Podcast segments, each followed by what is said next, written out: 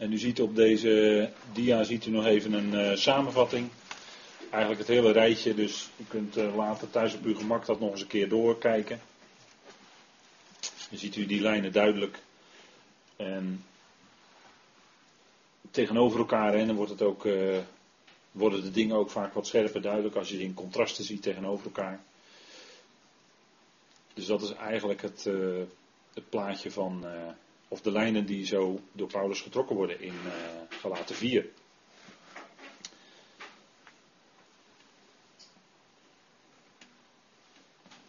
En het thema is dus in vers 29.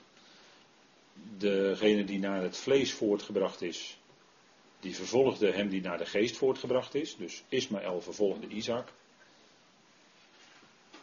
En dat was al eerder even zichtbaar tussen Hagar en Sarah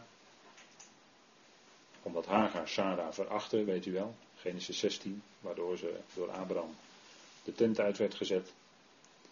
En in Genesis 21 eigenlijk opnieuw, hè.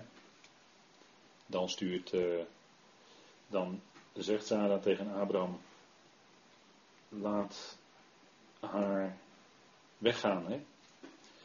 Genesis 21 vers 10, jaag deze slavin en haar zoon weg. Want de zoon van deze slavin zal niet met mijn zoon, met Isaac, erven. Genesis 21, vers 10. En deze woorden waren volstrekt kwaad. Er staat kwalijk hier in de herziene statenvertaling, maar eigenlijk staat er kwaad in vers 11 van Genesis 21. Deze woorden waren volstrekt kwaad in de ogen van Abraham vanwege zijn zoon. Maar God zelf, die keek er anders tegenaan. Want God zei tegen Abraham, vers 12: Laat met betrekking tot de jongen en uw slavin het niet kwalijk zijn in uw ogen. Bij alles wat Sarah u zegt, luister naar haar stem, want van Isaac zal uw nageslacht genoemd worden. En dat is een aanhaling die Paulus doet in Romeinen, in Romeinen 9 dat hij zegt, als het gaat om dat de kinderen van de belofte voor nageslag gerekend zullen worden. Hè, de zoon van de belofte zou tot nageslag gerekend worden. In Romeinen 9, vers 7 wordt dit aangehaald. En dan, zegt hij, want in Isaac zal uw zaad geroepen worden. Hè, daar staat het woord roepen dan. In Isaac zal uw zaad geroepen worden. Daar, ging het, daar, daar spreekt Paulus in Romeinen 9 tegen de achtergrond van wie zijn nu de werkelijke nakomelingen van Abraham. De Joden zeiden, wij hebben Abraham tot vader. En de Heer Jezus zei tegen de Joden, jullie hebben de duivel tot vader. Dat zei hij, hè? Ja, Johannes 8. Dat zei hij. Dus de Heer Jezus nam geen blad voor de mond hoor, die zei het ook gewoon rechtuit. Hè? En dan zegt Paulus dan in Romeinen 9, zegt hij, kijk, niet de kinderen naar het vlees. Die zijn het niet, nee. De kinderen naar de geest, dus de kinderen van de belofte, die worden tot zaad gerekend. En dat was bij Isaac natuurlijk ook het geval. Die werd tot nageslag gerekend. Werkelijke nageslag was hij die van de belofte. Dus het gaat niet om vleeselijke afstamming. Maar het gaat om of je gelooft. En in deze tijd, zegt Paulus dan in Romeinen 11, is er toch wel een overblijfsel naar de verkiezing van de genade, een rest, een gelovige rest uit Israël. Daar was Paulus zelf ook een van, hè, uit de stam Benjamin notabene. Het voert nu even te ver om op die stam Benjamin dan dieper in te gaan. Maar hij was van de stam Benjamin. Dus hij was zelf een deel van, dat, van die gelovige rest van Israël, zeg maar. En zegt hij, zo is er ook in deze tijd een overblijfsel naar de verkiezing van de genade. En dat zegt hij naar aanleiding van die geschiedenis van Elia. Hè? Elia was depressief. En uh, toen zei God, uh, je bent niet de enige Elia. Nee, er zijn er nog 7000 hè, die hun knieën voor de baal niet gebogen hebben. Denk erom. Hè? Dat zei hij tegen Elia. Nou, en zo zegt Paulus, zo is er ook in deze tijd nog een gelovige rest naar de verkiezing van de genade. Daar gaat het om. Het gaat niet om Het gaat niet om degene die naar het vlees, nee, het gaat om naar degene die naar de geest verwekt zijn. En dat is ook de hier in Galaten 4, vers 29. Hè? Maar dan ziet u dat zomaar twee teksten uit, uit deze geschiedenis van, van Genesis 21, die worden dus door Paulus aangehaald. Hè? Dus dit is een hele belangrijke geschiedenis. Waarin heel duidelijk een lijn getrokken wordt. En dan zegt hij in vers 13, ook iets bijzonders. Genesis 21, vers 13. Maar ik zal ook de zoon van deze slavin tot een volk maken, omdat hij uw nageslacht is. Ziet u? Omdat hij Abrahams zaad is, nageslacht. Hoewel naar het vlees verwekt, zou hij toch tot een groot volk worden. Waarom? Omdat God die belofte helemaal aan Abraham had gegeven. Abraham was de drager van de belofte, gelovige. En daarom werd ook Ismaël, Ismaël wordt ook gezegend.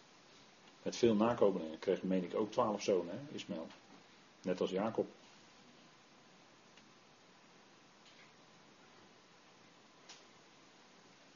En dan staat er, en dat is zo mooi in de schrift. Hè, toen stond Abraham s morgens vroeg op. Genesis 21. En dat lezen we in Genesis 22 nog een keer. Hè? Genesis 22, vers 3. Toen stond Abraham morgens vroeg op. En dan denkt u van nou, moet ik dan elke dag vroeg opstaan? Is dat dan een voorbeeld voor mij? Nee, natuurlijk niet. Natuurlijk niet. Daar gaat het helemaal niet om. Toch? Daar gaat het toch niet om. want als je op zaterdag na een week hard werken op zaterdag, dan wil je toch wel eens een keer uitslapen, toch? Ja, tuurlijk. Kan je lekker uitslapen. Op zondag een beetje, want ja, op zondag zou het kunnen zijn dat je ook iets van het woord wil horen. Kan je naar de dienst. Dan moet je ook nog een beetje op tijd uit bed. Als je het zaterdagavond niet al te laat gemaakt hebt. Maar dat is allemaal, eh, natuurlijk is dat allemaal niet verplicht, dat weet u wel. Maar je wilt toch elkaar ontmoeten, je wilt dat woord horen. En dan kan je er ook uitkomen. Hè? Maar kijk, toen stond Abraham morgens vroeg op. Waar gaat het dan eigenlijk om als dat er zo staat? Want zo'n mededeling in de schrift, als je, als je even nuchter naar kijkt, zo'n mededeling is toch volstrekt overbodig. Dan toch ook kunnen zeggen, Abraham ging op weg. Maar waarom staat er nou, Abraham stond morgens vroeg op? Waarom staat het er nou zo? Dat heeft natuurlijk te maken met de opstanding. Natuurlijk. Hij stond vroeg op. En wie stond er later nog meer vroeg in de morgen stond op? De Heer Jezus natuurlijk. Natuurlijk, daar, daar, daar verwijst het ten diepste naar. En, en kijk, je leest de schrift dan anders, hè? Dan ga je anders lezen. Dat is ook een beetje de bedoeling waarom ik er graag op wil wijzen. Hè? Omdat, omdat je zelf er zo blij mee bent dat anderen jou daar ook op gewezen hebben. Dat je daar zo op gekomen bent. En dat je dan gaat zien van elke keer als in de schrift gezegd wordt, hoeft niet eens nog altijd te zijn, stond morgens vroeg op, maar het kan ook gewoon iemand staat op, zo'n mededeling in de schrift, iemand staat op ergens, dan heeft dat ook een betekenis. Dan heeft dat ook iets met de opstanding te maken. dan, anders wordt zo'n mededeling niet gedaan. En zo zou ik nog natuurlijk heel wat voorbeelden meer kunnen noemen. Dat je denkt van, er staat zomaar een losse mededeling in de tekst. En dan ga je erin verdiepen. En hoe is het mogelijk? Hoe is, of je hoort dingen hè, van anderen. En denk je, hoe is het mogelijk? Dat heeft natuurlijk een betekenis. Nou, zo ook hier. Hè. Abraham stond s morgens vroeg op. Hij nam brood. Wat is brood? Wat is brood? Brood is eigenlijk leven. Hè? Als je geen brood meer eet, dan uh, op een gegeven moment ga je toch het loodje leggen hoor. En een zak met water. Brood en water. Water is altijd een beeld van het woord van God. Hè? Dus dat weet u nu, hè? En gaf die aan Hagar en legde die op haar schouder. Hagar de slavin, hè? Let op. Hagar de slavin legde die zak met water en het brood op haar schouder en gaf ook het kind en stuurde haar weg. En ze ging op weg en dwaalde rond in de woestijn van, daar hebben we hem, Beersheba de bron van de eet. En een bron belooft wat, hè. Dus we hebben hier al een bron, we hebben brood en we hebben water. En dan moet er iets gaan gebeuren, hè. En toen het water uit de zak op was, wierp zij het kind onder een van de struiken. En ze ging op een afstand zitten, zover als men een boog kan schieten, want zij zei, laat ik het kind niet zien sterven. En terwijl ze op een afstand zat, begon ze luid te huilen. Verhief zij haar stem en huilde, staat er dan. En toen hoorde God, hè, Ismaël, ja. Toen hoorde God de stem van de jongen.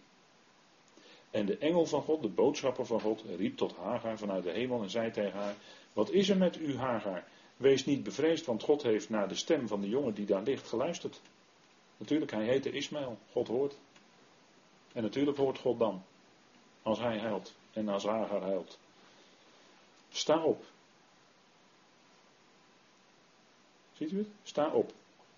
Til de jongen overeind en houd met hem met uw hand goed vast, want ik zal hem tot een groot volk maken.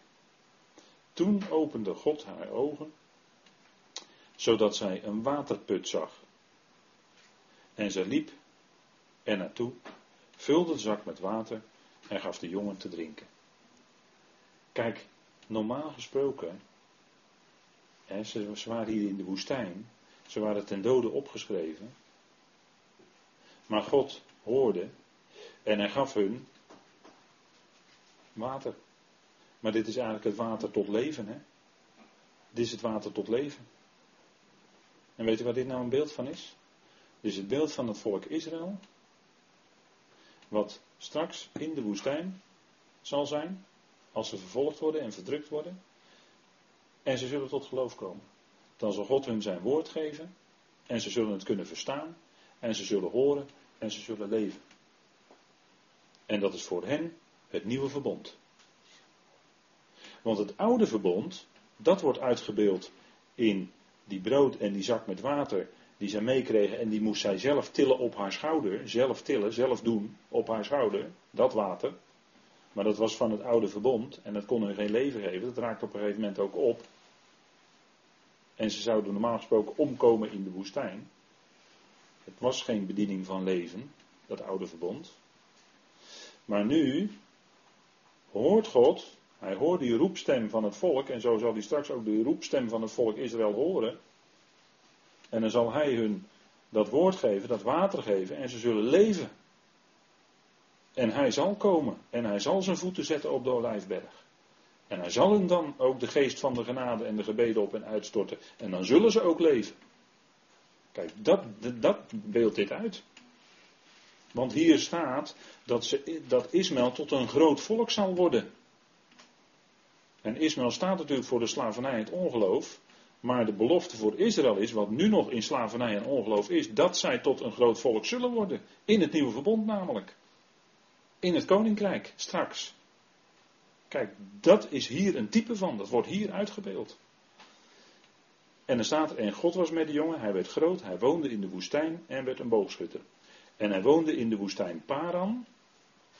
En als ik u zeg, en u moet dat maar eens nazoeken, dat de woestijn Paran te maken heeft met Petra, met Sela, met Edom, de plaats waar Israël straks verborgen zal worden, zodat zij een plaats heeft in de woestijn haar van God bereid 1260 dagen lang, openbaring 12, dan gaat u het beeld zien wat hierin zit.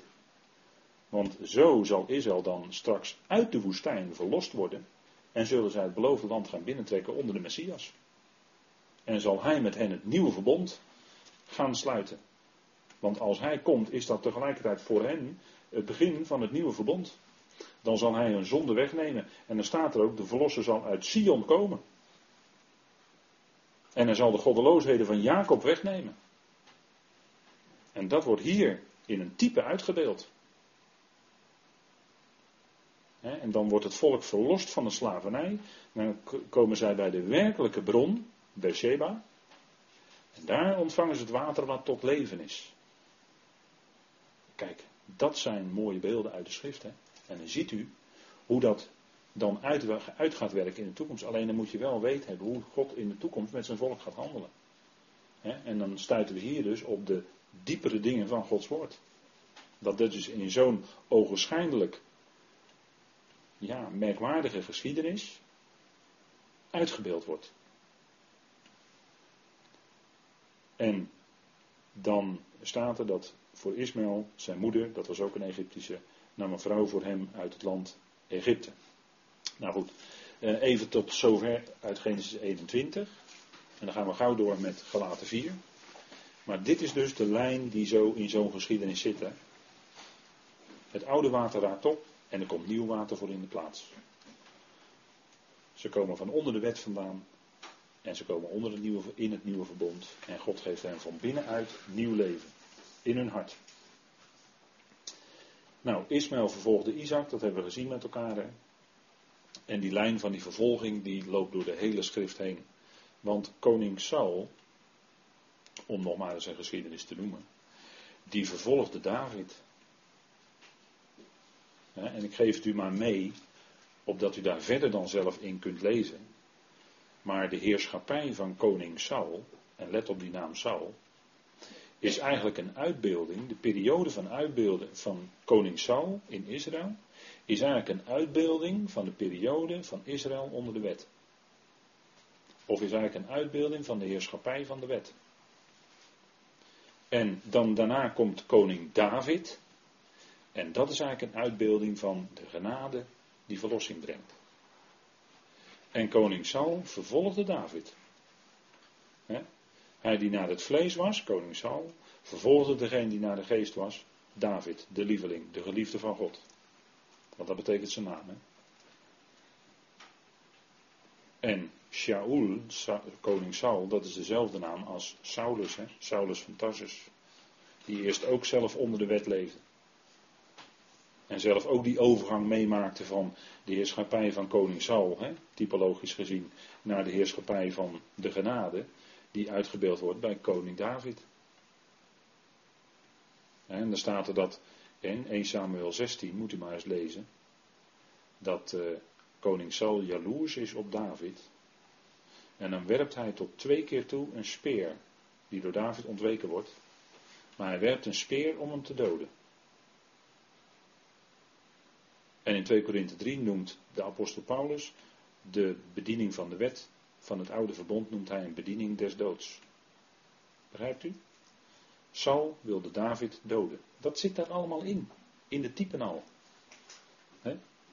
En zo is het ook met wat de Heer dan zegt tegen zijn discipelen. Johannes 15 in die opperzaal. in die bovenzaal waar ze dan samenkomen. Waarin de Heer allemaal dingen als het ware privé tegen zijn discipelen zegt. Die hij niet aan de schade kwijt vond. Want tot, tot de schade sprak hij in gelijkenissen. Opdat zij het niet zouden zien. Maar privé sprak hij rechtuit met zijn discipelen en dan zegt hij, de wereld haat mij en dan zal ook jullie haten. Dat is hetzelfde. En die wereld was voor de Heer op dat moment, de wereld waar hij zich in begaf, de wereld van het judaïsme. De Joden, het Jodendom. Die haten hem. Om niet, hè, staat er. Om niet. Zij haten hem om niet. Er was in hem geen aanleiding. Op zich, in wat hij deed. Juist niet, tegendeel. Maar ze haten hem omdat het vlees vervolgt degene die naar de geest is. Dat is het punt, hè. En, uh, ja, en die opperzaal, die, uh, daar, daarvan zei de Heer, nou maak die, uh, die dieren maar los bij, bij die en die. Er wordt de naam niet van genoemd, hè. Het was een zaal van die en die. Ja. Maar dat is natuurlijk ook bijzonder, hè. Dat heeft ook wel te maken met de beelden die ook in het Oude Testament zijn. Als er een onbekende is, dan heeft dat ook een bepaalde betekenis. Maar goed, we gaan uh, gauw verder, want anders duurt het allemaal te lang. Um, vers 29. En ik heb er nog een paar van die vervolgingen opgezet. De Joden doden de profeten. En de Heer Jezus Christus. Weet wel, u kent toch die gelijkenis wel van die landlieden, die landbouwers. Hè? Weet u het? Hè? Matthäus 21, de gelijkenis van de onrechtvaardige landbouwers. Hè? Al die knechten, de profeten, die doden ze. En toen de zoon zelf kwam, hè, of die verjoegen ze, dan zaten ze achterna, en, enzovoort, enzovoort. En toen kwam de zoon zelf, toen dachten ze, ha, dat is de erfgenaam, die zullen we doden. En dat was de heer zelf natuurlijk, die kwam. En de fariseeën en schriftgeleerden, die begrepen het, hè? Ja. Die begrepen het. Dat die, hoewel die in een gelijkenis sprak, maar ze hadden het door. Ze werden in hun hart geprikt.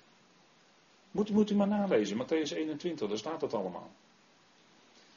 En dat is hetzelfde principe, hè? Die naar het vlees voortgebracht is, vervolgt degene die naar de geest voortgebracht is. En Saul, Saulus van Tarsus, was zelf ook zo toen hij onder de wet leefde. Want hij vervolgde degene die van de weg waren. Hij vervolgde de gemeente van God. Dat is precies hetzelfde principe. En dat is allemaal vlees vervolgt geest. De Joden vervolgden Paulus later toen hij tot ommekeer was gekomen. Van stad tot stad. En hij refereert eraan tegen Timotheus. Hè? De vervolgingen en het lijden die mij overkomen zijn in Lystra, Iconium en derde. Hij noemt die plaats ook gewoon zo bij Timotheus. Maar dat, dat was natuurlijk in zijn leven zo gebeurd, die vervolgingen. Kijk, en wat was nou aan de hand in Galaten? Dan komen we weer dichterbij in de Galatenbrief. Kijk, de Judaïsten in Galatië wilden het evangelie van de genade verstoren. En weet u hoe ze dat deden? Ze gingen tegenspreken. Ze gingen onrust maken. Herrie maken. Opstand. Steeds maar alles ter discussie stellen.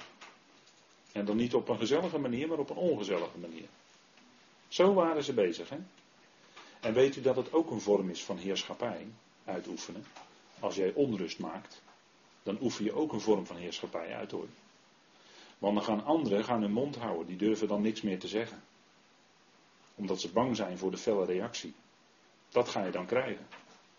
Dus onrust stoken is ook een vorm van heerschappij hoor. Maar kijk, dat was aan de hand bij die Galaten. Die Judaïsten, die uh, waren zo fel en zo fanatiek. Hè, die waren zo ontzettend ijverig. Want dat kenmerkt ze dan. Hè. Steeds maar die ijver van het vlees. Steeds maar die ijver van het vlees. Steeds maar onrust stoken. Steeds en maar doorgaan. Op alle punten der discussie stellen. Niks is meer goed. Nou, zo waren ze bezig. En kijk, weet u wat daarachter zit? Paulus wijst dat aan in de gelaten brief. En, en daarom uh, zeggen ze van ja, sommigen die zeggen dan wel eens van ja joh, zijn jullie nou bezig met die gelaten brief? Dat is toch maar, uh, hè, je kan beter met die voorkomenheidsbrieven bezig zijn. Maar ik snap wel waarom ze dat zeggen hoor. Ik snap het wel. Kijk, Paulus die schrijft in Galaten 6, vers 12. En dat waren die Judaïsten en de andere opstokers daar in Galatië. Wie er ook goed willen uitzien in het vlees. Ziet u dat het bij het vlees gaat om het uiterlijk, om de uiterlijke dingen. Om de zichtbare dingen. Daar gaat het bij vleeselijk ingestelde mensen om. Het gaat om het uiterlijk. Ja, dat staat hier toch? Wie er ook goed willen uitzien in het vlees. Dus de buitenkant. Het uiterlijk. Bezig zijn met de uiterlijke dingen. Bezig zijn met hier en nu. Deze wereld verbeteren. Uh, jezelf verbeteren. Jezelf op een hoger plan brengen. Noem alles maar op.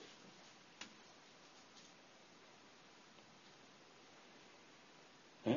Uh, of eventueel, hè, dat, dat, zie je bij kerken vaak. Hè, wel heel hard werken aan, aan een gebouw. Maar als er in het gebouw Bijbelstudie wordt gegeven, dan zijn ze er niet. Dat, dat gebeurt bij kerken. Hè? Heel hard metselen, schoffelen en noem alles maar op. Rondom het kerkgebouw. Maar zodra er een Bijbelstudie wordt gegeven, zijn ze er niet. Dat is, dat is gek.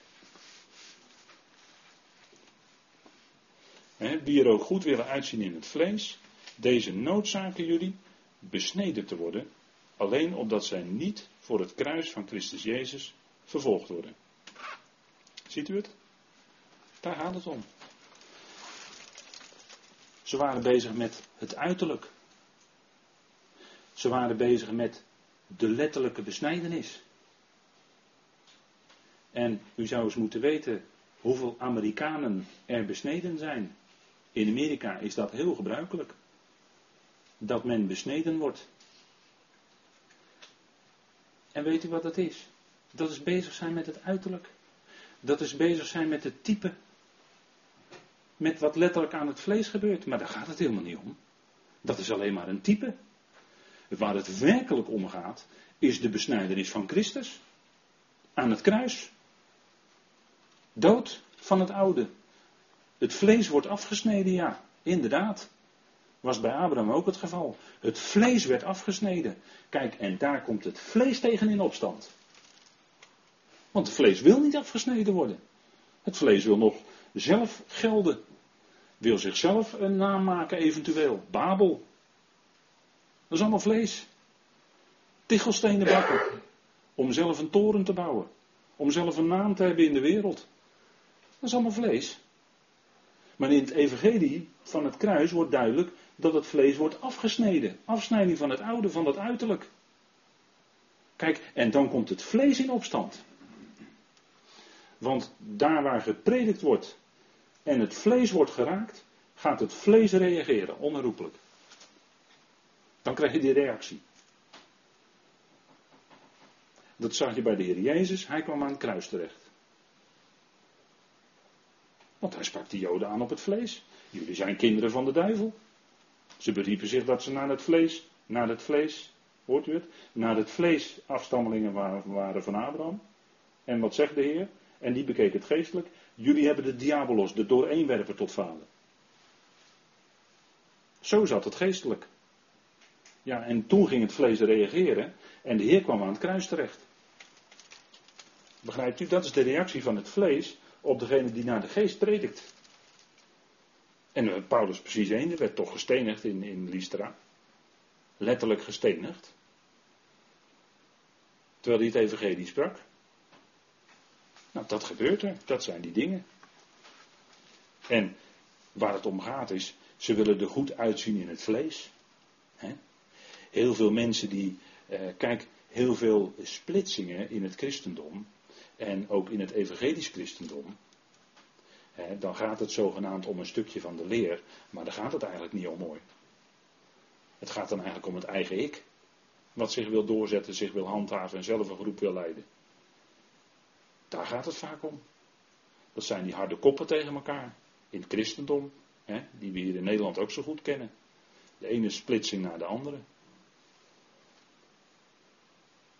En dat geldt ook voor mensen die zich dan heel geestelijk willen voordoen. Ja, dan bedoel ik eigenlijk de charismatische beweging. En overal waar de charismatische beweging komt, of de Pinksterbeweging, wat krijg je dan? Krijg je splitsing. Is dat dan van de geest? Ik denk het niet hoor. Want Paulus zegt in Galaten 5 dat partijschappen en twisten werken van het vlees zijn. Twist, twistingen, partijschappen, oneenigheden, secten. Dus werken van vlees. Dat staat er allemaal gewoon in Galaten 5. Maar dat gaan we nog wel behandelen. Het is allemaal vlees. En die willen zich goed voordoen. die, die zijn misschien bezig met grote aantallen. He, hebben we ook jarenlang hier gehad in, in Nederland. Gemeentegroei. Dat bedoelden ze in aantal hoor. Bedoelden ze niet in, in geestelijk leven, maar in aantal. De gemeentes moesten groter worden. Dan gaan we allerlei plannen maken. En dat is allemaal naar het vlees hoor. Gaan we plannen maken dat we over twee jaar moeten we 5% meer leden hebben. En over tien jaar moeten we 10% meer leden hebben. Dat zijn de plannen. Dat zijn gewoon plannen naar het vlees. Dat, zijn, dat, zijn, dat is geen werk van de geest. Dat is gewoon dat is als een manager plannen naar, naar het vlees. Want het gebeurt allemaal hoor, in kerken en groepen enzovoort. Dat gebeurt, ik zeg dat niet uit mijn duim. Dat, gebeurt, dat gaat gewoon allemaal zo. Nou, ze willen dus goed uitzien naar het vlees en ze noodzaken jullie letterlijk besneden te worden. Terwijl het daar natuurlijk helemaal niet om gaat. Ja, natuurlijk staat ook in de Bijbel, ja, besnijdenis staat ook in de Bijbel, tuurlijk. Maar je moet het wel geestelijk gaan begrijpen waar het, waar het mee te maken heeft. Het is juist dat afsnijden van het vlees en wees blij. Het evangelie maakt blij hoor, het kruis maakt blij. Weet u waarom? Omdat het het vlees afsnijdt, ben je eigenlijk af van het oude. En dan komt dat nieuwe naar voren, die geest. Daar, daar word je echt blij van. maar eh, veel gelovigen blijken niet zo blij te zijn als dat oude in hen afgebroken wordt. Die, die zijn er vaak niet zo blij mee. En die gaan daar reageren. Nou, deze noodzaken jullie besneden te worden, opdat zij niet voor het kruis van Christus Jezus vervolgd worden. Paulus wel. Die werd er wel voor vervolgd. Nou, en dat was gewoon aan de hand hè, bij die Filippenzen. Of eh, bij die Galaten. En ik zeg Filippenzen omdat ik een aanhaling zie staan uit Filippenzen. Filippenzen 3 vers 18. In Filippenzen 3 is ook zo'n hoofdstuk waarin Paulus zegt dat hij eh, zich helemaal niet meer wil beroemen op het vlees. En dat hij heel dat judaïsme en overal waar hij van afstamde, dat, dat, allemaal, dat liet hij allemaal achter zich als verwerkt. Dat is allemaal voorbij. Dat is allemaal aan het kruis. Dat is allemaal weg. Weggedaan. Dat is de werking van het kruis. Nou, ze wilde het evangelie van de genade dus verstoren. Ja, inderdaad. Want ze wilde zelf nog iets betekenen. Ze wilde zelf nog iets doen. Ze wilde zelf nog iets in de melk te brokkelen hebben. Enzovoort, enzovoort. Maar het kruis maakt er een einde aan. Nou, wat zegt de schrift?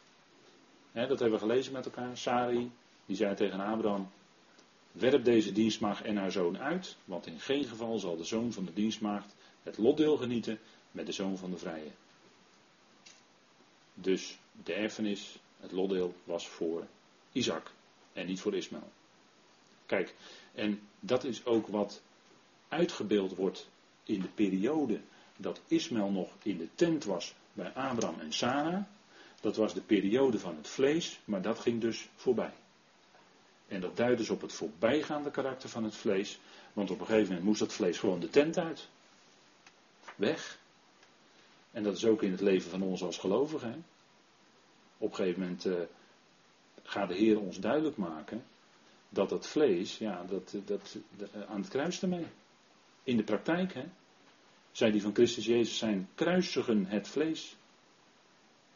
Als een feit, dat is niet in het verleden één keer, nee, dat is voortdurend. Dat is, als het goed is, hè, wordt dat onze praktijk meer en meer. En net zoals Ismaël tijdelijk als vlees in die tent verbleef, maar op een gegeven moment moest hij eruit. Hij moest weg.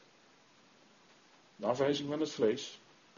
En het kruis werkt door in ons leven als gelovigen. En op een gegeven moment moet het aan de kant, dat vlees, dat moet aan de kant. Opdat de geest in ons zijn werk gaat doen. En opdat die vrucht van de geest door ons heen onthuld wordt. Hè? Liefde, vreugde, vrede enzovoort. Genade.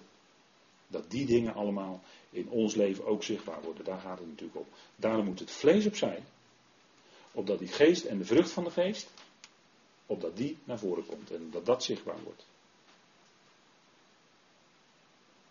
En nou, dat, dat is dus vlees ten opzichte van geloof. En dan zegt Paulus, daarom broeders, zijn wij geen kinderen meer van de dienstmaagd, maar van de vrije. Dus niet langer het vlees, maar de geest, de vrijheid van de geest. En waar de geest van de Heer is, daar is vrijheid. daar is geen gebondenheid. Daar word je niet klem gezet. Daar word je niet klem gezet. Want de wet zet je klem hoor dan is er angst en vrees, omdat jij er niet aan voldoet. En dan kijk je in angst en vrees omhoog naar de Heer, want je denkt dat jij er niet aan voldoet. Maar dat is in een omgeving van wet. En zo worden mensen in gemeentes worden op die manier in de klem gezet. Misschien niet met de wet van Mozes, maar dan met de wetten en de regels van de voorganger. Of dan worden ze door het uitspreken van profetieën worden ze klem gezet of gemanipuleerd. Nu ben ik even heel duidelijk. Maar zo gaat het. In de praktijk. En dat is misschien dan wel scherp gezegd, maar zo is het wel. Dit is de waarheid, zo gaat het in de praktijk. En waar we leven in genade, en wij zijn gered in genade, daar leven wij en beleven wij met elkaar als gelovigen genade. Zodat we onder elkaar ons vrij kunnen bewegen en vrij kunnen voelen en ook thuis kunnen voelen omdat genade onder gelovigen zou regeren. Nou, en dat is ook wat, hè, wij zijn geen, want wij zijn geen kinderen van de dienstmaag, van de slavin, maar wij zijn kinderen van de vrije. Hè? Dus uh, in de gemeente zou je kunnen zeggen, ja, kom, kom, nou, Sarah is onze moeder hoor, we zijn vrij. Hè? Niet, niet Hagar, we leven niet onder Hagar, maar we leven onder Sarah. Hè? En nu begrijpt u wat ik ermee bedoel. Nou, dat, dat is het punt. Hè. We leven onder genade en daarom kunnen we elkaar ook genade schenken, omdat we zelf genade ontvangen hebben. Schenkt elkaar dan genade zoals God in Christus jullie genade schenkt. Wanneer? Elke dag. Elke dag geldt dat, hè? Overstromende genade. Hij schenkt ons elke dag genade. Nou, dat is fantastisch. Dat is een blijde boodschap. Nou goed, met die blijheid en die vrijheid eindigen we dan vandaag. Amen.